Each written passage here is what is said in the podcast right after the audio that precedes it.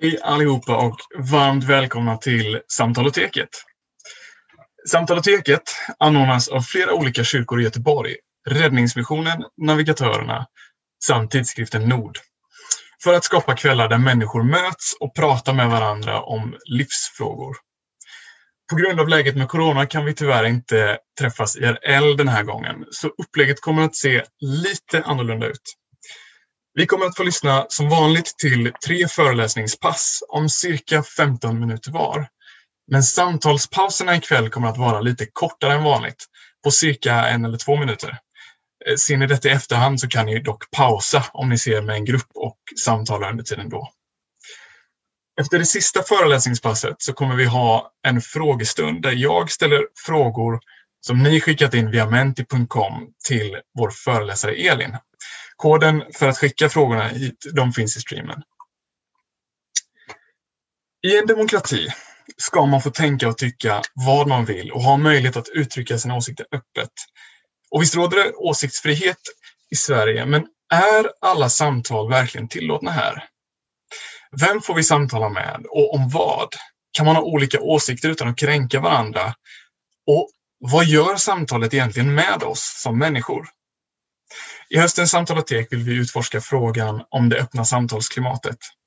Vi vill tränga djupare än de normaliserande åsikterna och trotsa rädsla, tvivel och dömande. Vi tror att vi på så vis kan lotsas in i de farliga, formande och kanske förbjudna, men säkert viktiga samtalen. Därför har vi bjudit in Elin Liljero Eriksson att föreläsa hos oss. Elin är journalist och författare till bland annat boken Låt oss prata om att ses IRL. Ett ämne som jag tror att vi som samhälle sällan har förstått vikten av lika mycket som vi gör nu. Och med det så lämnar jag över till Elin. Varmt välkommen hit Elin! Ja, men tack så jättemycket Melker. Eh, så roligt att eh, få vara här, eh, om än digitalt. Och Ja, det är speciella tider, verkligen. Och uh, jag kommer prata lite om, uh, om vikten faktiskt att ses IRL på riktigt. Uh, men eh, det är inte lätt det är inte lätt i dessa tider och uh, med det sagt så vill jag verkligen säga att vad jag än kommer säga ikväll så är det viktigt eh, och jag tror på att det är väldigt viktigt att följa de råd och restriktioner som, som ges kring, kring det fysiska mötet. Um, när jag skrev min senaste bok Låt oss prata om att ses IRL så var det långt före coronapandemin. Men eh, vi hade ändå kommit så pass långt att vi vaggats in i en tid då vi tyckte att det var liksom nästan lättare, jag tror att många i alla fall, eh, i ett digitalt beteende, det var lättare att liksom vårda sina relationer genom att bara skicka en, eh, ett hjärta eller en eh, styrkekram när någon skriver någonting som är tufft. Och sen så scrollar man vidare. Och eh, det var någonting som jag ville utforska mer. Men innan jag går in mer på det ämnet så tänker jag bara kort berätta om dels vem jag är och också om tre stycken eh, hållpunkter i mitt liv som landar lite i varför jag har skrivit faktiskt två böcker om relationer och framförallt vänskapsrelationer. För att eh, först, för att kunna prata om relationer så måste vi förstå också vad en vänskap är för någonting. Och det är någonting som jag tänker att vi ska ta upp lite mer ikväll. Men jag är i alla fall uppvuxen här, säger jag, i Stockholm, för jag sitter i Stockholm just nu. Eh, och, eh, och är tvåbarnsmamma, eh, gift och eh, har eh, vuxit upp i en ganska stor familj, tre syskon. Och idag arbetar jag som journalist och eh, kan nog tituleras också kanske som författare då jag har gjort eh, två böcker hittills. Ehm, och eh, främst så till vardags jobbar jag som redaktör på Svenska Dagbladets helgmagasin. Men jag frilansar också. Um, när jag var ung så hade jag svårt med det här uh, med relationer. Jag tyckte det var krångligt uh, just med det här med vänner och jag såg ofta till att isolera mig själv. Uh, och jag tyckte det var lite svårt. Um, jag slöt mig ofta och såg, hade nog svårt att så här, connecta med människor. Eh, senare hamnade jag också i en vänskapsrelation som var rätt negativ, dålig för mig. Den var inte ömsesidig utan den jag var vän med eh, blev mer dominant över, över mig eh, och jag tillät mig också att eh, dominera. Så det liksom var ingen ömsesidig relation riktigt. Eh, vilket innebär att jag också fick nog en skev bild om vad vänskap egentligen är. Men det var först när jag verkligen bröt från den relationen som eh, jag kunde börja flyga fritt. Eh, jag lämnade också det, ja, det sammanhang jag var i och, eh, och eh, började söka verkligen vem jag var och mycket, jag hade vuxit upp i en kristen familj men behövde ge mig ut på en resa för, att, för att söka om det var på riktigt det som jag hade vuxit upp med och tro, den tron som jag hade vuxit upp med. Eh, och jag hamnade faktiskt på andra sidan jordklotet. Och jag tänkte berätta om tre då tillfällen som, som har betytt mycket för mig. Eh, och jag kan börja med 2002. Eller det hade precis blivit 2002. Och jag hade bestämt mig då för att lämna allt. Eh, jag skulle till andra sidan jordklotet själv, alldeles själv. Och jag har vuxit upp som sagt i en stor familj så för mig var det väldigt läskigt. Att liksom utsätta mig själv för den här äh, ensamheten på något sätt. Och efter en hel del krångliga relationer som pågås mest på ytan så hade jag insett att jag behövde våga vara ensam. Och äh, för att de senaste åren då hade jag blivit riktigt proffs på att hålla inne saker och trycka bort tankar genom att konstant omge mig av människor och mycket ytliga eh, relationer, ytligt umgänge helt enkelt. Sociala medier fanns inte vid den här tiden men annars eh, hade det gjort det så hade jag nog varit proffs på att svepa fram det här perfekta filtret och, eh, och eh, lagt den snyggaste texten till och eh, polera fasaden helt enkelt.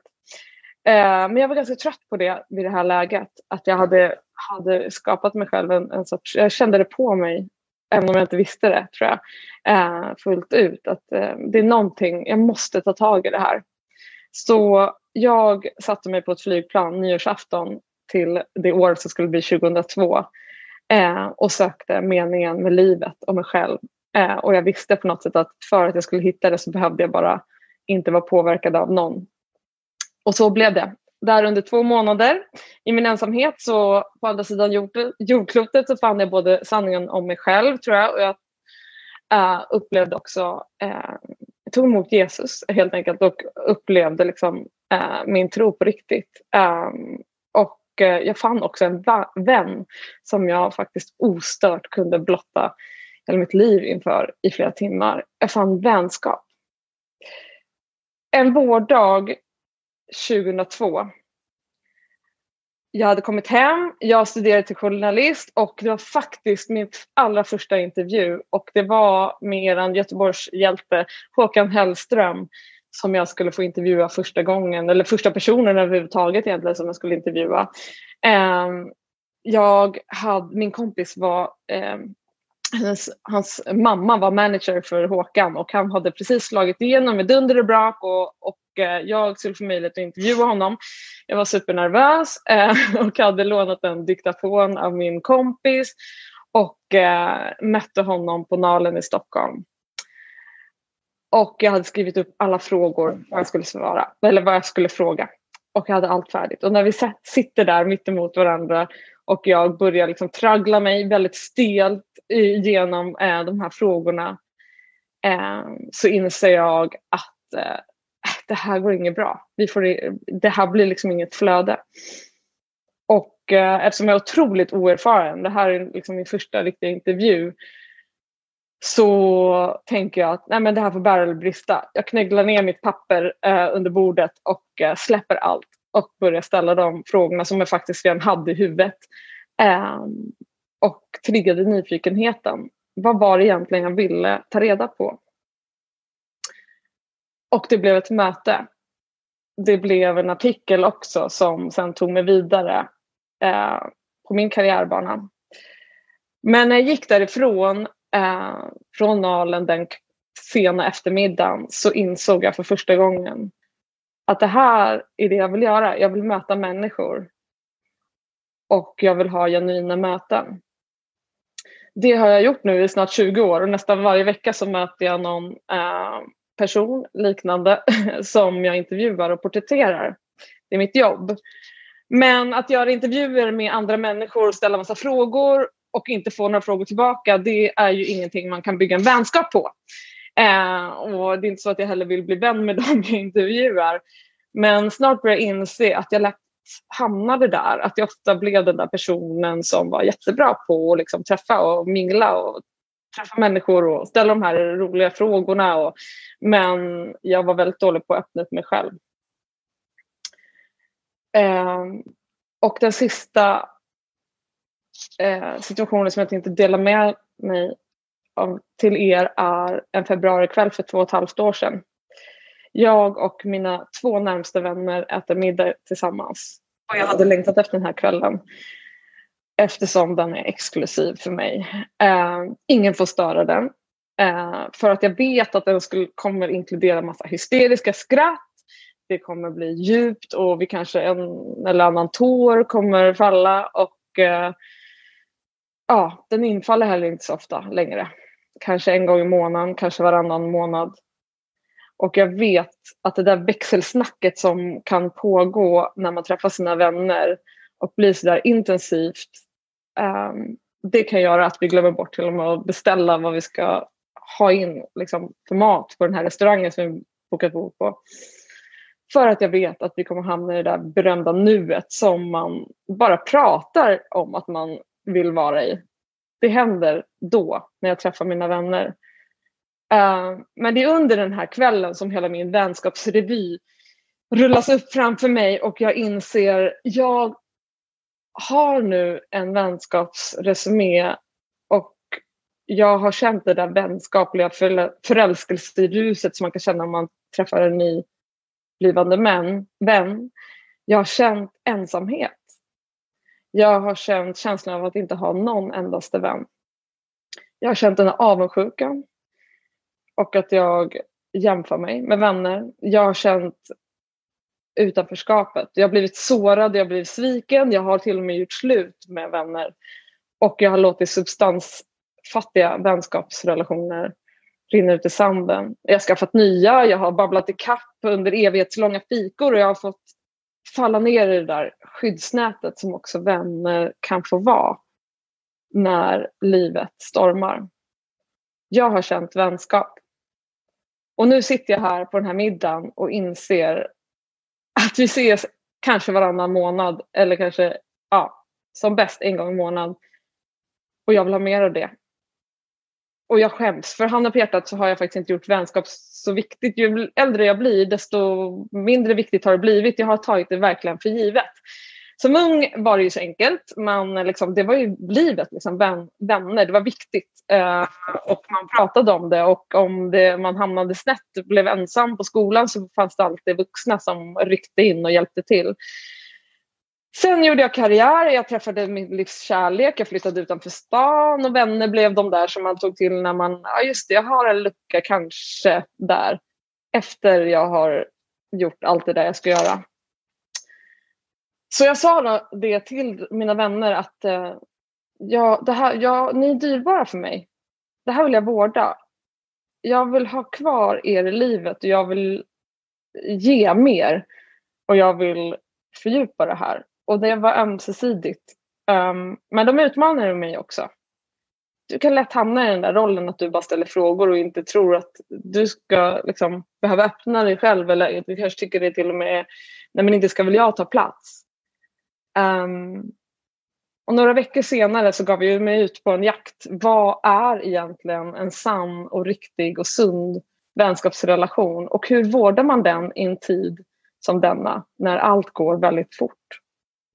Och varför blir den så krånglig ibland? Varför är det lätt att missförstås? Varför är det rätt att det blir, man har olika förväntningar? Och det blev en bok faktiskt eh, har den här. eh, den första handboken i Sverige som handlar om vänskap. Och det är ju lite konstigt egentligen. Men redan i starten när jag började skriva och intervjua forskare och experter i det här så insåg jag att vänskap är en relationsform som hamnar i skymundan. Man pratar inte så mycket om relationer när det kommer till vänskap. Man pratar väldigt mycket om jakten på den rätta, rätta partnern, man pratar om eh, familjen eller äktenskapet men man pratar väldigt sällan om vänskapsrelationen i vuxen ålder. Det är liksom på något sätt som att det ska vara så självklart att när man, när man är vuxen så har man stadgat sig i sitt vänskapsliv. Um, så jag började söka det där och jag tänkte kort berätta lite om vänskap och vi ska gå vidare i det för att komma vid ännu, landa ännu mer i hur vi tar hand om våra vänskapsrelationer och våra relationer i stort i en digital samtid. Men det finns fyra stycken kännetecken kan man säga som, som man har tagit fram som är kännetecknande för en vänskap. Det är tillit, frivillighet, ömsesidighet och likhet. Alltså, du måste känna att det är någon liksom, ömsesidighet. Båda måste vilja lika mycket. Den här dåliga vänskapsrelationen som jag hade i min tonår, den var inte ömsesidig. Eh, den var liksom inte ge och få, utan det var väldigt mycket eh, åt ena hållet. Eh, och där är det väldigt lätt att hamna. Eh, och, eh, men det är viktigt att pendeln, liksom, att det går så här. för att en vänskapsrelation ska vara hållbar under en längre tid. Annars blir det någonting annat än en vänskap. Det kan bli en mentorrelation, mentorsrelation. Men det är inte en vänskap, utan det är en mentorsrelation. Det måste vara frivilligt, båda måste vilja det. Eh, och eh, det måste eh, finnas en tillit. Jag litar på dig, för då, då kan det här då kan det gå djupare och man kan skapa en sund relation. Eh, och sen så har forskare tagit fram att på något sätt så måste det finnas någon sorts likhet. Det är svårt att eh, skapa en lång, djup och hållbar vänskap om man inte har någonting som något shit mellan en helt enkelt. Eh, men det kan, behöver inte vara så mycket, men att det finns någonting som man delar. Eh, skillnaden mellan en kärleksrelation till exempel och en vänskapsrelation är ganska stor och, och den stora skillnaden är att det inte finns någon manual för en eh, vänskapsrelation och det var ju det jag hade tänkt göra här i min bok som blev mycket mer diffus. För att en vänskapsrelation måste vara kravlös för att den ska liksom, funka. Eh, i en kärleksrelation har vi mer uttalade ramar ah, men vi, och definierar den mycket, mycket mer. Ah, men vi blir ihop, vi, vi förlovar oss, vi gifter oss, vi kanske skiljer oss, vi sätter etiketter, vi liksom checkar av varandra hela tiden och mycket mer intensiv. En vänskapsrelation kan vi inte hela tiden definiera på det sättet utan måste få vara fri och väldigt eh, kravlös. Eh, och det är då det blir så vacker också. Utan den, den bottnar liksom i en villkorslös kärlek som gör att vi känner ansvar däremot till att, till att ringa varandra, höra av oss och umgås. Och vi längtar efter att umgås med varandra. Eh, till nästa pass så tänker jag att ni gärna får fundera i eh, någon minut. Vad är egentligen en sann vän? Vad är liksom definitionen på en sann vän? Och vad liksom är okej? Okay? Hur ska en vän vara och vad är inte okej? Okay? Det kan ni fundera på någon minut. Det kan hända så att ni sitter själva i er hem och då är det svårt att sitta och bolla med någon. Uh, och, uh, så jag tänkte att jag, jag kan bolla med er. uh, det finns ju inga regler egentligen. men det finns några, man kan säga nästan oskrivna regler som jag landar lite i vad en sann vän är. En sann vän har du en öms, ett ömsesidigt utbyte med. Alltså att det som jag pratade om tidigare, att det finns engagemang från båda parter eh, och det är lite avgörande för en hållbar relation. Annars kan det skapa väldigt, of, liksom, hamnar man liksom snett i den här ömsesidigheten och, och det finns, man kan ha liksom, olika typer av förväntningar på varandra, vilket gör att det blir krångligt. En sann vän är alltid beredd att lyssna. eller i alla fall har en vilja att alltid vara beredd att lyssna. Eh, sen kan det mm, liksom, dyka upp saker som gör att man inte har, alltid har tid men man vill lyssna. En sann vän ska gå och lita på. Vänner behåller sitt ord och, eh, och håller eh, det och gör att man liksom inte pratar illa om den personen bakom ryggen och så vidare. Tilliten är jätteviktig.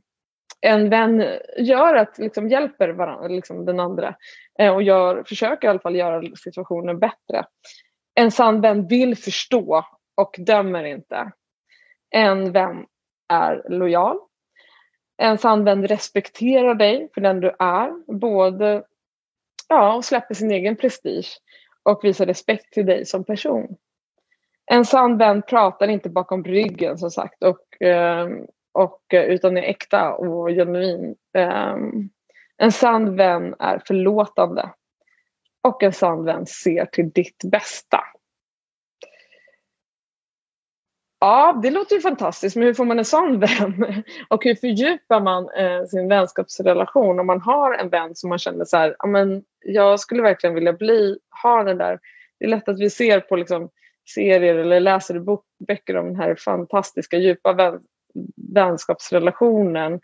Eh, men många av oss känner ju faktiskt, visar undersökningar också, att upplever väldigt mycket ofrivillig ensamhet och många har upplever att de inte har någon som de kan känna förtroende för eller, eh, eller att anförtro sig åt. Eh, man brukar prata om att det finns fem samtalsnivåer eh, som liksom på något sätt definierar eller avgör liksom djupet i en relation. Eh, första nivån är att ni pratar om allt och inget när ni ses. Alltså väder och vind och liksom, ni håller det väldigt mycket på ytan. Men det kan också vara en vänskapsrelation. Liksom. Det behöver inte vara fel att man gör det. Jag har en sån vän, en, en granne här som jag träffar ofta. Eh, vi har barn på samma förskola och vi pratar om väder och vind men vi går liksom inte riktigt djupare eh, än så. Eh, men det kan ju ske. Om vi kommer ner på nästa nivå kan det vara att vi pratar om något, alltså något speciellt, man kanske delar någonting. Ja, men min, min andra vän då som jag har, eh, vi har då vi som har barn på samma förskola, ja, men vi kanske pratar om våra barn lite mer. Då har vi någonting mer. Vi har eh, inte bara det här väder och vind, tjena tjena, utan det finns någonting vi pratar lite mer om. Eh, delar man sin, till exempel sin kristna tro kan ju det bli otroligt eh, starkt att bygga på. Eh, man delar någonting, man känner en samhörighet. Nivå tre är att man pratar om någonting mer förtroligt. Jag öppnar upp mig för den här personen och, och om någonting som jag kanske inte skulle säga till den här väder och vindmänniskan. Som jag, eh, utan att jag vågar liksom berätta någonting personligt om mig själv och den gör det tillbaka till mig. Ni pratar alltså förtroligt på nivå tre. Nivå fyra, ni pratar om er, alltså om relationen vad har vi? Ni kanske definierar den. Du är min, en av mina närmsta vänner kanske man kan säga. Eller vi, ni kanske pratar om, ska vi göra det här? Eller, eh, ni kan prata helt enkelt om er som, som, ett, som ett vänskapspar helt enkelt. Och nivå fem, det är den djupaste nivån och det är att man kan vara tyst tillsammans. Det här är ingen ristat i sten men, men jag tycker att det är, ganska, det är ganska bra att ha i tanken, man kan pröva den och det får du jättegärna göra hemma och tänka så här, vad har jag? Vad har jag egentligen för vänskapsrelationer? Vad har jag för vänskapsliv? Eh, när jag träffar eh, min vän, vad, vad hamnar vi i någonstans? Och med vissa kan det ju vara att självklart man pratar om väder och vind ena dagen och sen pratar man djupare nästa dag. Men ungefär. Eh, och jag tror att det är viktigt att ha man, jag tror att det är viktigt att ha från alla de här kategorierna egentligen. Ehm, det kommer vi komma in till sen, lite senare, just vikten av faktiskt att ha, knyta an liksom just de här tunna banden i denna digitala samtid. Men jag tror att det framförallt är viktigt att ha någon på de här djupa nivåerna, fyra eller fem, att, ni, att man liksom kan vara tyst tillsammans eller att man delar någonting djupare tillsammans. Och eh, ja, hur gör man det då? Hur fördjupar man? Ja, men man kan ju treva sig vidare min vän som jag pratar om väder och vind, kanske jag ska våga öppna upp mig lite mer för den och berätta om någonting, dela med mig om mig själv. eh, någonting som jag eh, själv brottas med eller någonting som jag har tänkt på. Eh, berätta om något personligt och den i sin tur kommer förmodligen också eh, ge tillbaka till mig. Och där kan man försöka utforska lite och kliva ner lite i de här nivåerna. Eh, och, och framförallt är det nog viktigt att, att liksom se att om du öppnar upp det lite så kanske den andra gör det också senare och, eh, och då tillsammans så får ni en ömsesidig eh, liksom, eh, ömsesidig eh, liksom, trappa ner, att ni trappar ner tillsammans i, djup, i djupet av er relation. Eh, det tror jag är jätteviktigt och jag tror att det är väldigt viktigt att tänka på det nu när vi, när vi umgås väldigt mycket digitalt. Att liksom, hur gör vi det? Eh, och det kommer jag komma till eh, alldeles strax. Eh, så att jag tror det är jätteviktigt att, att liksom vis, våga visa sin sårbarhet men eh, det är också viktigt att inte göra det för vem som helst. Eh, utan våga visa vara modig och våga visa sin sårbarhet till den som man tror kan förvalta den också. Eh, något Brené Brown skriver mycket om i sin bok Modet att vara sårbar. Eh, men hitta din vän som du kan öppna upp dig för tror jag är oerhört viktigt. Eh, studier och forskning visar att, att eh, vänskap faktiskt är ett starkt skydd mot ångest och mot stress och mot en sund eh, hjälper en till en sund självkänsla just för att vi delar saker med varandra. Vi har någon att dela mot till. Och även om du liksom lever tillsammans med någon i ett äktenskap och du kallar din man eller din fru för bästa vän så tror jag att det också är viktigt att ha någon utöver det som man kan känna förtroende för. Som man verkligen kan dela eh, sitt innersta också. Eh, för i, det i sig kan vara ett skydd mot, alltså för relationen. Eh, man fördjupar också genom att liksom visa att man, kan, liksom, man visar tillit till varandra. Att man visar att det du säger till mig behåller jag här. Eh, jag kommer inte sprida det vidare. Jag tror också det är viktigt eh, att ha ett stort mått av acceptans, respekt för varandra och tålamod och framförallt tid. Vänskap kräver tid och det är en utmaning i dessa tider då vi ligger så mycket digitalt. Eh, hur ska vi ge varandra tid? Um, och glöm heller inte kraften i att lyssna, umgås kontinuerligt. Um, men med det sagt så innebär inte det att det, det, det direkt gör att du får djup, liksom, djupare relationer med dina vänner utan som, som i alla relationer så är det viktigt med kommunikation. Och när vi pratar om kommunikation så har vi ju eh, förändrats väldigt mycket i vårt sätt i hur vi ska kommunicera. Inte minst nu när vi kan kommunicera på så mycket, många andra sätt än just när vi ses. Eh, utan vi kan chatta, vi kan eh, träffas via skärmar på det här sättet. Eh, hur påverkar det oss? Eh, det är någonting som jag började söka mycket djupare i. För att när vi nu vet väldigt mycket om eh, vad vänskap är, när jag Berätta lite om det här med att liksom, det kräver tid, det kräver också att vi öppnar upp oss för varandra.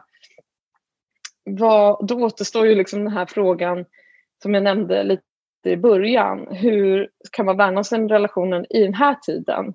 Nu när vi, vi, vi liksom egentligen inte ska träffas så mycket. Eh, och vi ska liksom träffas hellre genom skärmar eh, eller via skärmar och eh, vad gör det med oss? Ehm, det är någonting som jag eh, valde att eh, fördjupa mig med i ännu mer eh, till min nästa bok då ehm, men innan vi går vidare på det så tänkte jag bara liksom skicka iväg den här frågan. Hur interagerar du med dina vänner och dina eh, kollegor förstår jag att det kanske är på, på lättare digitalt men just när det gäller vänner och, och relationer som du har runt omkring dig. Hur integrerar du med dem och hur, hur umgås du med dem? Och i dessa pandemitider då när vi gör det väldigt mycket digitalt vad upplever du är skillnaden mellan ett digitalt och ett fysiskt möte? jag kan säga direkt att jag tycker att det är en ganska stor skillnad. Jag har aldrig tror jag föreläst på det här sättet eh, när jag inte integrerar eller ser knappt någon av er.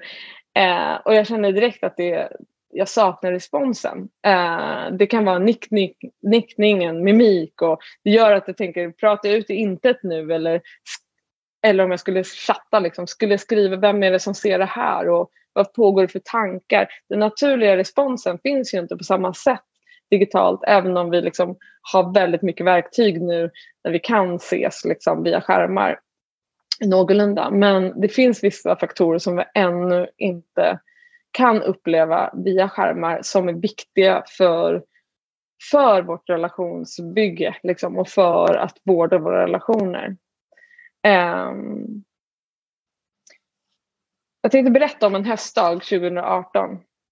Min vän Linda ville ta en lunch med mig och vädra den katastrofala rad av dejter som hon har haft den senaste tiden. Jag har då precis släppt min bok Underbar krångliga vänskap som jag valde att kalla den och den föddes ju ur en längtan att hitta svaret till bra och djupa relationer. Och eh, jag tyckte ju att den tiden eh, när jag skrev den och jag tycker fortfarande att det har blivit svårare att prioritera, prioritera vänner i den tid då kärlekspartner och karriären och självförverkligandet tar all fokus, eller mycket fokus i alla fall. På köpet hade jag då insett tack vare den här forskningen som jag eh, upptäckte av processen med, i processen av boken att det finns studier som visar att bristen på vänskapsrelationer kan ha samma negativa hälsoeffekter som att röka liksom, flera cigaretter om dagen.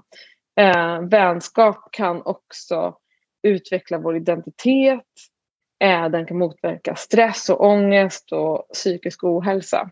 Och till och med för förlänga livet finns det studier som visar. Så jag hade insett helt enkelt att det här med vänskap, det var inte bara viktigt utan det var livsviktigt. Jag måste göra om min prioritering i mitt liv och eh, göra vänskap viktigt igen. Och, eh, och jag hade också insett att för att nå de här allt det här positiva som gemenskap och vänskap kan göra så handlar det inte bara om det här ytliga. Tjena, tjena, hur mår du? Utan det handlar om den här djupa relationen, en sann relation till, någon, till en annan människa. Det är då jag kan uppleva det här eh, fantastiska som en vänskap kan ge. Men det känns som att jag blir, lika, blir swipad lika lätt IRL som, på, som min bild på Tinder, sa min vän Linda. Hon var väldigt frustrerad och sa att liksom, man hinner liksom inte ens få en chans när man är på en dejt. Eh, och jag är rädd att jag håller på att bli likadan. Jag har liksom inget tålamod. Jag måste bara till nästa. Eh, jag har inget tålamod att ge människor tid, sa hon till mig. Och jag som då, då liksom nu är tvåbarnsmamma och gift sedan flera år, jag är liksom lost i dagens datingkultur. Men jag kände ändå igen mig i det där i andra relationer och i mig själv. Sedan sociala medier slog igenom och idag är det ungefär 16 år sedan tror jag, sedan Facebook kom, är det lättare än någonsin att vara snabb i vändningarna. Eh, vi kan också välja när vi vill um, liksom, kommentera någonting eller lajka någonting. Vi utsätts inte för det här äh, direkta mötet som vi kan göra eh, när vi ses IRL. Så vi är alla mer eller mindre med i det här skådespelet som pågår i den här moderna kultur, kulturscenen, eh, sociala medier, eh, i någon form av liksom, uppvisnings och skådningsverksamhet. Jag vet ju faktiskt ganska mycket om mina vänner fast jag inte träffar dem. Eh, jag vet vad de eh, reser, vad de har gjort i helgen eh, utan att behöva fråga eller kommunicera med dem överhuvudtaget. Jag vet liksom väldigt mycket. Ehm, och omedvetet så vårdar jag nog mina relationer där på sociala medier. Ehm, genom att kommentera och lajka och kanske skriva någonting liksom, via via liksom meddelanden via Facebook och Instagram. Eh, och när vi väl, väl ses så vet du hur svårt det kan vara att liksom lägga undan den här telefonen. Man har den liksom på bordet eh, när man ses eh, och fikar och så, och, och, så är det lätt att liksom inte snegla på den där om den gör väsen av sig. Eh, vad gör det med oss? Det var någonting som jag och min vän och kollega Linda ville då utforska. Och eh, att den digitala revolutionen har påverkat vårt sätt att skapa relationer, att hitta nya vänner, det är ju liksom ingen nyhet. Men har de också förändrat relationerna i sig? Vad händer med det där djupet som jag pratade om som är så viktigt i en vänskapsrelation? När vi kan redigera våra meningar, sudda, göra om, vi kan klicka av eh, och bestämma oss för att inte liksom svara när någon ringer. Vi kan, eh, vi kan också välja vad vi vill visa upp och inte. Eh, och vi kan framförallt då lägga våra ord perfekt i liksom meningar men i själva verket kanske inte blotta oss fullt ut eh, för våra vänner. Vad gör det med oss? Vad gör det med oss också att vi vet om att folk sveper, eh, det går fort, Eh, vad, gör vi, eh, vad gör vi? Hur påverkar det oss av att vi vet att eh, människor kommer gilla det här eller inte och klicka i hjärtan och vad, vad gör det med oss? Hur påverkas kvaliteten och djupet och just de här förtroligheten mellan oss eh, människor? Ja, men vi vet ju att det är många eh, och kanske du också där ute liksom, som lyssnar på det här eh, tycker att det är väldigt härligt också och med sociala medier och med ja, alla digitala plattformar att det finns också en kanal att ja, men jag kan vara öppen och här kan jag faktiskt skriva hur jag känner på riktigt. Eh, och det tycker jag är fantastiskt. Och, ehm, men man ska också vara beredd på att eh, den här responsen, direkta responsen kan bli utebli. Och det kan också bli, det kan också bli annorlunda än när vi sitter tillsammans då jag direkt med, med min liksom, mimik och med min ton och framförallt med, liksom, eh, ja, med hela min kroppsspråk kan visa vad jag verkligen och direkt respons kan ge direkt respons på eh, det du berättar för mig. Eh, så den frågan som jag ställde, eller vi ställde till vår bok Låt oss prata om oss IRL var egentligen hur kommer det sig att så många upplever att de är ensamma trots att vi har betydligt större potential att möta människor idag genom eh, de digitala plattformarna.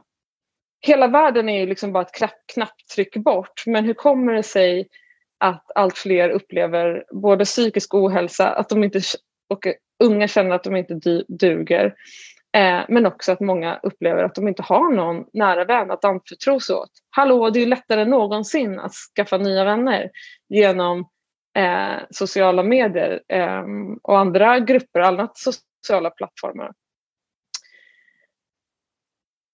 Kanske lever vi i en illusion där vi tror att vi det går, liksom inte behöver båda våra relationer lika frekvent som eh, IRL för att vi lika gärna kan vårda dem digitalt. Eh, eftersom vi ändå håller kontakten där. Eh, ja, det var något vi undersökte och vad kom vi fram till då i den här boken? Som faktiskt fick titeln Låt oss prata om att ses IRL. Eh, för vi tänkte, behöver vi ens ses IRL när vi lika gärna kan ses digitalt? Och jag tror ehm, att återigen i dessa tider så är det kanske det enda rätta just nu. Men låt oss inte glömma bort att eh, det fysiska mötet är inte riktigt utbytbart. Eh, och vad fann vi då? Ja, vi har ju skrivit om nio kapitel så jag tänker inte gå in på allt men, eh, men eh, vad var viktigt i en djup relation? Jo, tilliten. Tilliten kan vara svår att skapa, liksom, inte lika enkelt i alla fall, skapa genom skärmar. Eh, det blev en ganska stor upptäckt för oss när vi pratade med experter just för att eh, tillit är så viktigt just för att skapa en djup och hållbar relation. Eh, tillit kräver nämligen tid och tillit kräver, kräver total närvaro.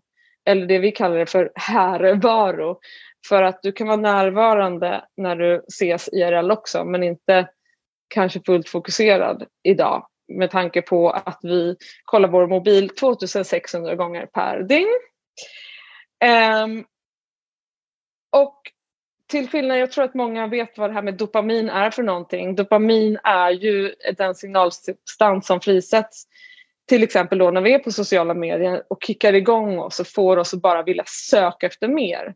Det gör att vi kan hålla på och fortsätta klicka oss vidare fast vi egentligen inte eh, vill det egentligen eller kanske till och med för att fast vi har annat för oss men vi kan liksom inte sluta klicka. Dopamin är i sig ganska positivt, det är ju liksom det som får oss att också eh, komma vidare liksom i, vår, liksom, i vårt sökande och i liksom, utvecklas. Men just när det kommer till relationsskapande och eh, just sociala medier så kan det vara ganska farligt för att man liksom ständigt triggas till att eh, söka vidare. Till skillnad från en annan signalsubstans som, som heter oxytocin. Oxytocin kallas också så här må bra-hormonet och det är ju det som också frisätts när vi rör vid varandra. I pandemitider ska vi inte röra varandra men när vi ses IRL så är det oftast så att vi kanske kramas, vi kanske eh, skakar hand eller någonting, på något sätt vidrör varandra. Och det, vid vänlig beröring så frisätts oxytocin som till skillnad från dopaminet gör att vi vill dröja kvar. Vi vill vara kvar i det här tillståndet. Um, och vi, jag intervjuade eh, Kerstin Unes eh, som har skrivit om det här väldigt mycket, en läkare och forskare. Och hon säger just det där att när oxytocin frisätts när vi möts IRL, då, eh, då skapas en ökad tillit till människan eh, vi möter. Och det kan ha en ångestdämpande effekt och eh, vi kan också just det här liksom, oron och aggression och sånt där eh, eh, lugnas ner. Eh, och det är effekter som faktiskt är viktiga för vår tid. Och jag tror att vi alla vet om det här med tanke på att liksom, ja, hur viktig beröring är för oss. Eh, det är något som går förlorat när vi liksom bara möts via skärmar. Eh, men det finns ju också det här med mimiken och hela tonfallet och allting som som jag tror att det är viktigt. Och nu kan vi få det väldigt mycket genom att vi se, ser varandra via skärmar också. Eh, så jag tänker också att det är viktigt att tänka att människan, vi är, vi är duktiga för att vi, liksom, vi är adaptiva och vi, vi är kreativa. Vi hittar sätt och vägar att mötas för att vi skapta eh, för gemenskap och därför hittar vi sätt att liksom mötas så som vi gör på det här sättet. Men jag tror att det är viktigt att också inte glömma bort det här fysiska mötet. Um, ehm, forskning visar att vi minskat vår empatiska förmåga med 40 procent de senaste 20 åren. Det är ett ganska hisnande ras. Det största raset har skett de senaste 10 åren och om vi tänker då också att sociala medier har funnits i vad jag, snabbt 16 år. Eh, och forskare som har gjort den här studien heter Sherry Turkle eh, och hon menar på att det är på grund av att vi inte konverserar med andra runt omkring oss längre. Och om vi tänker efter, eh, bortom pandemitider så kan vi ju faktiskt leva ett liv utan att egentligen möta människor. Vi kan klicka hem fredagsmyset, vi kan eh, blippa med våran eh, tunnelbana eller busskort. Vi kan eh, chatta med våra vänner. Eh, vi behöver liksom inte stanna någon på gatan och fråga om vägen utan vi kan ju använda Google Maps istället. Vad gör det med oss? Jo, de här tunna banden som vi skapar med människor som vi kanske bara ser på, träffar på gatan och frågar om vä vägen. Det liksom, tränar vår empatiska förmåga eh, som gör att vi hela tiden underhåller liksom, vår känsla och vår förståelse för andra människor. Eh, på, på, sociala medier eller digitala plattformar kan vi mer välja. Vi ramlar inte på människor på samma sätt utan vi kan välja och utesluta oss. Eh, men jag märker själv att liksom när bara jag går ut och träffar någon, eh, någon på gatan som går ut och går hunden, med, med, hunden, att bara utbyta några få ord gör någonting. Det skapar en värme i mig men det skapar också, har jag förstått nu, eh, hjälper mig att liksom sätta mig in i den personens ja, liv. Vi får helt enkelt eh, mer empati för människor när vi liksom hejar på chauffören istället för att bara blippa. Eh, eller liksom när vi betalar i kassan kanske säger någonting till kassörskan eh, istället för att bara självskanna. Eh, vi har också tappat koncentrationsförmågan de senaste eh, åren, vilket inte är någon nyhet tror jag för någon. Eh, men det är också den klick och liksom snabba samtid som vi lever i som också gör någonting med och hur påverkar den liksom, det relation, liksom, våran, vårt sätt att vårda våra relationer. Vi blir mer liksom, rastlösa och vi liksom, kanske inte har tålamod och tid på samma sätt.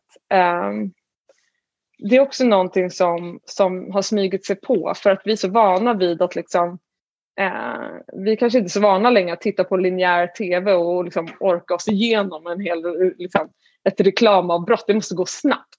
Eh, därför måste också reklamen gå snabbt för att vi har inte samma tålamod längre. Vi har inte samma förmåga att hålla fokus. Um, jag tänkte avsluta med tio, tio, liksom, tio anledningar till tankar som är bra att ha med sig när det gäller liksom att vårda relationerna i den här digitala samtiden. Um, allt som kan digitaliseras kommer digitaliseras och i dessa tider är ju det fantastiskt att vi bara direkt när vi behöver tvingas liksom, jobba hemifrån eller att vi kan, eh, många av oss, eh, inte alla, men många av oss kanske kan växla och eh, vi kan mötas på det här sättet. Jag kunde inte åka ner till er i Göteborg idag eh, men vi kan ses ändå. Jag kan ändå prata med er eh, på det här sättet. Men det har gjort också att det mänskliga mötet har faktiskt blivit någonting exklusivt. Det är liksom en hårdvaluta. Eh, och det innebär att det som bara kan ske när vi möts eh, fysiskt eller i ett möte kan göra att vi eh, eh det, det är exklusivt och det ska vi vårda tror jag är väldigt viktigt. Eh, man får räkna helt enkelt med rosiga kinder och risk för att liksom ploppa upp grodor eller att det inte blir liksom precis så färdig, perfekt redigerat som man tänker men det är värt för att nå ett genuint möte med en annan människa. Eh, det blir mänskligt och genuint och det är ju oerhört befriande. Eh, när vi ses IRL så frigör ju vi det här hormonet som jag pratade om, oxytocin och eh, det gör ju att vi, vi reducerar det hjälper oss att liksom stressa ner och, och vi känner också att vi känner oss nöjda, vilket är en, också en exklusivitet idag att få känna det. Eh, och inte minst när det gäller relationsskapande. Eh, när vi ses IRL så stärks vår empati, som jag pratade om. Ehm, att liksom fråga gärna någon på vägen, eh, du möter, om vägen när du möter den eller säg hej till den i kassan. Man kan tycka att det, är jätte, att det inte gör någonting men både när du träffar en god vän eller heja på busschauffören så tränar du i din liksom, förståelse för andra människor som är faktiskt väldigt viktigt, um, tycker jag. Uh, psykologer uh, och studier signalerar att unga idag som har vuxit upp i den här digitala verkligheten mår allt sämre utan att liksom veta varför. Och man tror att en av anledningarna kan vara att man har liksom svårt att sätta ord på sina känslor. Uh, man pratar inte lika ofta för att man kommunicerar mycket via, via plattformar, digitala plattformar. Eh, mimik och tonfall och gester är minst lika viktigt i en kommunikation. Eh, när, framförallt inte minst när man ska berätta om hur man känner, känslor. Sen har vi ju de här emojisarna till hjälp men det är liksom inte riktigt fullt ut. Um, uh, och uh, genom att ses liksom, mer fysiskt gör att det hjälper oss att liksom, kunna uttrycka våra känslor inför varandra och läsa av. Och hjälp, det hjälper oss också att kunna läsa av andra känslor. Och på så sätt kan man också skapa en, en relation som blir mer djup och äkta. Eh, när vi också ses så eh, liksom, det digitala livet har ju gjort oss mer otåliga och okoncentrerade och det är som sagt ingen nyhet men eh, när vi ses IRL så får liksom hjärnan en liksom paus och får öva sig på att fokusera lite längre, eh, några sekunder. Eh, det är också lättare att känna förtroende för någon som du träffar. Det är därför alla säljare helst vill träffa människor när de ska liksom sälja in något stort paket till en. Eh, och framförallt vill prata med en i telefon kanske. Eh, för att det, ju mer liksom, kommunikation av kommunikationsregistret du har desto mer tillit eh, kan du känna till den personen. Eh, du blir också mer nöjd och tillfreds eh, när du, får, när du umgås med dina vänner eh, fysiskt än digitalt för att just det där med att, att vi har oxytocinet som jag pratade om. Ehm, Eh, och slutligen så, så sägs det ju att vi lever längre om vi lever i gemenskap. Man har sett till exempel de här blå zonerna som är eh, som är liksom, de här områdena i världen där människor lever längst. Att en av, av anledningarna till varför många av dem eh, firar över hundra år eh, är att de har så bra gemenskap och de tittar sällan på tv utan de umgås liksom dagligen. De hjälper varandra att kratta, kratta varandras liksom, trädgårdar och eh, fyller varandras kylskåp och de lever tillsammans. Eh, de ses helt enkelt IRL och jag tror att det är också något viktigt att ha i åtanke. Men med allt detta sagt eh, så vill inte jag sprida till att vi ska ses nu, just nu, för att jag vet att det är tuffa tider. Eh, och med det här sagt så vill jag också, vet jag också att människan är adaptiv och vi hittar saker, hittar vägar som sagt för att ses på något annat sätt. Och i den här formen så funkar det ju helt okej. Okay. Men jag tror att det är viktigt att vi inte låter det här smittas av och låter det bli en enkel liksom, väg till relationsbygge. För eh, djupa relationer kräver tid, eh, det kräver äkthet eh, och det kräver ehm, liksom en kontinuitet och det kräver liksom att en, en ömsesidighet och en växelverkan som är så otroligt unik och svår, tror jag, fullt ut att, eh, att klara av genom skärmar. Men till dess så tror jag att till dess vi kan ses mer IRL så tror jag att det är viktigt att liksom göra det man kan.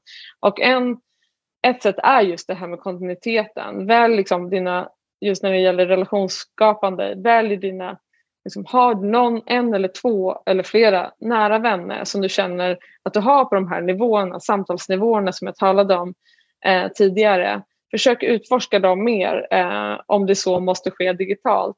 Att liksom våga öppna upp er för varandra, våga också sätta, eh, liksom definiera relation lite. Vilka är vi? Vad har vi eh, tillsammans? och våga också utmana varandra. Eh, mina närmsta vänner utmanade mig och sa att du måste bli bättre på öppna upp och dela med dig av dig själv. Det kan inte bara vara vi och du ställer massa frågor. Eh, och det har hjälpt mig otroligt mycket i, i, i mitt vänskapsliv. Eh, Eh, och det, det, skulle jag vilja skicka med till er. Men också när ni går förbi någon på gatan på avstånd, heja, säg någonting. Eh, liksom, dela de här, skapa de här tunna banden också med människor du möter. För du tränar din empati och det tror jag också är viktigt för den här tiden. När många av oss behöver få känna oss sedda och behöver känna eh, att vi, vi inte är ensamma helt enkelt. Sista frågeställningen. Jag, jag tycker att det var lite svårt så här att, att, att prata och inte liksom, jag ser bara mig själv just nu. Um, och um, jag tycker att det är också ett kvitto på att vi verkligen behöver uh, det, det, liksom det fysiska mötet när det väl är möjligt. Um, men sista frågan som jag vill, vill skicka med är vad tror du skulle vara bättre liksom göra ditt vänskapsliv bättre, eh, djupare och ärligare i dina relationer. Eh, och vad tror du behövs? Liksom, hur, hur ser ditt vänskapsliv ut? Har du någon på de här lite djupare nivåerna? Om du inte har det, vem skulle du kunna eh, vem har du i din, kanske din närhet som du känner att du skulle vilja utforska och komma djupare och närmare med eh, och skapa en djupare relation med. Och Eh, vad har du då lärt dig av det här när det gäller just det digitala samtidigt? Vad kan vi göra? Vad kan vi göra? Är det en person som du träffar ofta, eh, liksom, se till att också ge den en kram så får också oxytocinet en chans att liksom skapa ännu mer eh, liksom trygghet och eh, band mellan er. Eh, så jag skickar med dig, hur kommer du ta hand om dina vänskapsrelationer eh, i den här digitala samtiden? Och vad är det lilla du kan göra för att ändå eh, känna liksom att du, du skapar en, en bättre samtid och bättre vänskapsliv just i ditt liv? Tack! Tack så jättemycket Elin för en, en utmanande och eh, Eh, vad ska man säga, väldigt viktig föreläsning och eh, samtalshållande. Nu har vi lite frågestund eh, sådär efteråt. Så till er som tittar nu och inte har skickat in en fråga men ändå klura på någonting som ni skulle vilja ha svar på men, kolla på Mentikoden som finns i chatten på eh, livestreaming, eh, livestreamen på, på Facebook. Så ska vi se om vi hinner med allihopa innan vi, eh, Eh, vi avslutar för kvällen. Ehm, vi har några lite liknande frågor här Elin och det verkar vara som att särskilt vissa spår kommer tillbaka just på det här ämnet. Och om vi kan börja med det digitala så är en fråga som kommer är just vad är det, och du har pratat lite grann om det, men vad, vad tror du är det, det viktigaste som kan gå förlorat med just när den digitala, det digitala mediet tar över så pass mycket som det gör nu. Vad, vad, är, vad går förlorat i våra relationer då? Och kopplat till pandemin då, när när den förhoppningsvis tar slut någon gång eller när det drar i alla fall ner på hur, hur, hur närvarande det är i våra liv. Tror du att det här sättet att kommunicera på kommer att ha ändrat våra beteendemönster någonting? Eh. Mm. Eh, ja, jag, TV4 gjorde ju en, liksom, en dok, liksom, kort dokumentär här som jag fick möjlighet att, att medverka i. Och eh, just det där med Eh, hur tror du att det kommer, vad kommer hända efter? Och jag tror faktiskt att vi alla inser hur tröttsamt det här är och hur mycket vi saknar det fysiska mötet. Men jag tror också att vi kommer bli mycket bättre på att liksom parera och kombinera. Liksom. Att, eh, jag kan känna så här, nej men jag kanske jobbar ganska mycket hemifrån eh, sen också, eh, men väljer mina fysiska möten mycket mer exklusivt. Eh, och att det blir ännu mer så eh, liksom att nu ska jag träffa den här vännen, den kan, vill jag verkligen träffas. Eh, liksom, mm. träffa och den vill jag verkligen ha ett genuint möte med. Eh, Medan de här snabba liksom, kan ske via digitalt. Liksom, jag, behöver inte, eh, jag behöver inte träffa den för att liksom, få ut de här svaren. Liksom, eller det här snabba. Liksom. Ehm, så jag tror att vi kommer bli ännu bättre på att parera. Jag tror faktiskt många känner, jag var lite rädd för att det skulle bli tvärtom. Att det skulle bli, för att jag har insett ganska mycket om hur viktigt det här är. Ehm, men jag tror att många är trötta på det här. Jag känner igen mig i det faktiskt. Ja. Um, ja. Det var någon annan fråga du sa där först som jag tänkte på. Vad är den största skillnaden? Var det det? Ja, men precis. Vad är det som går förlorat just när det blir så digitalbaserat liksom, eh, våra relationer? Ja. ja. Eh, det finns en, en, eh, liksom, en sägning som man säger att liksom, dopamin är den själviska substansen medan oxytocin är den osjälviska. Och jag upplever det väldigt mycket, jag tror många kan känna det, att jag tror att vi blir mycket mer självcentrerade när vi eh, liksom umgås digitalt. Vi tänker mycket mer på hur vi själva lägger våra ord och vi, vi tänker mycket, vi speglar oss själva väldigt mycket. Mm. När vi träffar någon då liksom släpper vi i alla fall tror jag de flesta av oss mer naturligt oss själva och fokuserar på andra. Eh, och det handlar också om det här, liksom, tror jag, de här signalsubstanserna som frisätts. Att vi liksom, Eh, så jag, jag, tror att det är en stor skillnad, att vi blir mycket mer självcentrerade faktiskt. Eh, och att vi blir mycket mer så här, hur ska jag lägga min, alltså det har ju också med självcentreringen att göra. Hur ska jag liksom lägga upp mina, liksom, min presentation liksom, om mig själv, liksom, även när det är en enkel, jätte jättetöntig kaosbild på min tvätt som jag lägger ut på sociala medier så ska jag ändå tänka till hur ska jag skriva det här lite snajdigt så att folk förstår att jag är... Och så tänker jag väldigt mycket på det så folk förstår att jag, jag skiter i hur det här framstår men samtidigt så är det väldigt genomtänkt. Så jag tror att just det där att man tänker väldigt mycket på sig själv. Liksom. Eh, och det är ju väldigt eh, jobbigt också i, en, i längden. Liksom. Mm. Det blir en konstant spegel mot sig själv hela tiden. Liksom. Så, ja, exakt. Även ja. när man försöker visa den fula, fulare delen av... Ja, jag fattar precis. Ja, men, men då, en annan fråga som har att göra med, med det du benämner som parering. Liksom, hur, hur bör vi då välja? Hur bör vi göra det här valet som är ja, men nu passar det digitalt. Det här är ett bra sätt att använda det digitala mediet. Och eh, mm. vad är liksom, nej, nu, nu kräver det här liksom en, en, eh, ett socialt och ett, ett möte IRL. Eh, så hur, ja. hur, ska man göra de här är det magkänsla bara eller hur tänker du själv? Nej, men jag, jag tror att det är jätteviktigt äh, att tänka till där. Liksom. Ju, mer, liksom, ju, ju, mer viktig relationen är för dig och ju mer liksom, viktigare mötet är för dig och vad du ska få ut av det. Mm. Eh, då ska ni ses IRL. Jag kan bara gå till mig själv, till min egen liksom, yrkesverksamhet. Alltså, jag gör ju mycket såna här personporträtt då, varje vecka till Svenska Dagbladet. Och de här stora huvudporträtten som ofta blir liksom omslag, de måste jag i stort sett ses IRL. För annars mm. får jag liksom inte fullt ut. Alltså, det blir så mycket missförstånd, det blir bara svar. Men däremot skulle jag intervjua någon forskare om liksom, hur påverkar det? Då vill jag bara ha korta svar. Eh, liksom, eh, och då går det ju jättebra att sköta digitalt eller per telefon. Eh, mm. Eh, så jag tror att ju viktigare, och, och jag hoppas, och jag, jag skulle verkligen vilja skicka ut det, att idag finns liksom en, eller har det funnits många år, liksom en trend av att man ska visa att man har så många vänner och man har liksom fullt upp i sitt vänskapsliv. Men jag tror inte, och, och det finns det också liksom studier på att vi, vi mår som bäst när vi har några få nära vänner. Sen kan vi ha många ytliga som vi träffar så härligt och umgås. Så jag skulle säga, liksom, hitta liksom en eller två eller några, några stycken vänner du har nära och se till att vårda dem. Se till att träffa dem eh, kontinuerligt och träffas IRL. Och, liksom, och då mellan varven kanske inte ha jättemycket kontakt digitalt utan mer spara på krutet tills ni ses. Mm.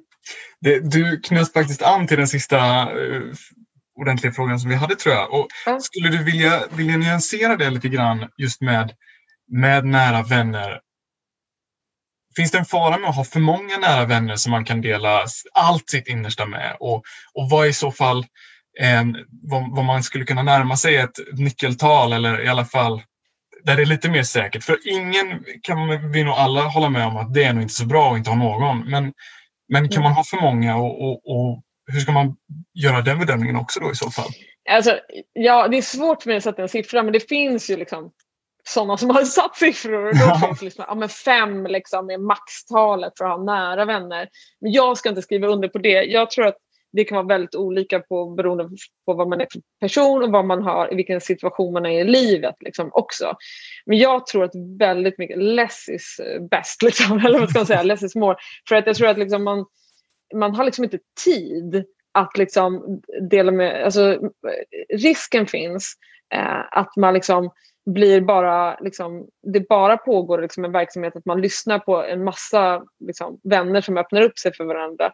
Eh, eller för, för en. Liksom. Jag tror att man, man måste ha, alltså, för min del funkar liksom, jag har typ fyra stycken kanske vänner, framförallt tre vänner som är liksom mina närmsta som jag kan de öppnar upp mig för. Sen mm. har jag flera andra, som, men det är liksom inte lika djupt. Så, eh, så jag tror eh, ja, mellan, mellan en och fem då. Men inte, ja, ja. jag tror absolut inte så många fler om jag ska vara ärlig.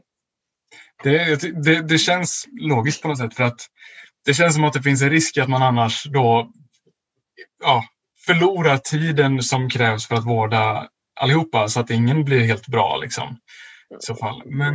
Ja, och det kan också bli en, en stress. Alltså, mm. Vi kan alla halka in där, men där halkar jag in ibland. Att man känner dolt samvete hela tiden. För att man liksom, oh, jag skulle ha, träffa den, eller jag skulle liksom ha kontakt med den. Utan se till att det blir hållbart. En liksom, vänskap måste vara lustfyllt liksom, mm. för att det ska funka eh, fullt ut. Mm. Um, sista frågan för, för den här kvällen. Um, vad skulle du säga, är det som, som um, du, du pratar om att man måste ha någonting som binder fast liksom en vänskap som man kan bygga på som gör den djup eller som gör den nära. Och sen så kan man ha kul och, och, och liksom lite mer loj vänskap med, med flera andra. Men, men mm. finns det no någonting som, måste det vara något, alltså kan det vara att man bara gillar fotboll tillsammans och håller på samma lag eller måste det vara någonting av någon mer nära karaktär eller vad man ska säga för ja, att det ska gå att bygga en, ni måste vara lika varandra till utseendet. Nej, jag skojar. nej, eh, nej eh, men man, något litet som håller er. Är ni helt, alltså, det handlar ju faktiskt om, om liksom vänskap. Som, jag, pratar, jag pratar ju om vänskap som ska hålla ett långt liksom en hållbar vänskap. Det måste finnas någonting som gör att ni kan spegla er varandra. Liksom. Det är det som, jag tror att många känner igen det när man träffar en ny vän och man bara känner att man har någonting. Det kan ju vara liksom det lilla att man gillar liksom eh, mandlar båda två. Och så, och så kan man liksom ah, men ha någonting liksom, som vi delar. Eh, liksom, nej, men fotboll liksom, Eh, och bygga vidare på. Och sen utforskar man, så kanske man hittar fler beröringspunkter. Men liksom, det är inte så att man måste vara liksom tvillingar för att det ska funka utan det kan ju nästan vara tvärtom, att det kan bli fel liksom, om man blir för, är för lika. Så det måste finnas en så här växelverkan eh, vad jag förstår när jag pratar med mina, de här experterna inom det. Men just inom, just att det finns något litet. Alltså, men det kan vara ganska litet. Men jag tycker det är fantastiskt det som är, det, det sägs vara väldigt starkt det är ju om man delar samma värderingar. Eh, mm. Då har man, men lite är bra, slipas med också för det kan, bli mm. lite, kan, kan liksom utmanas lite också. Mm.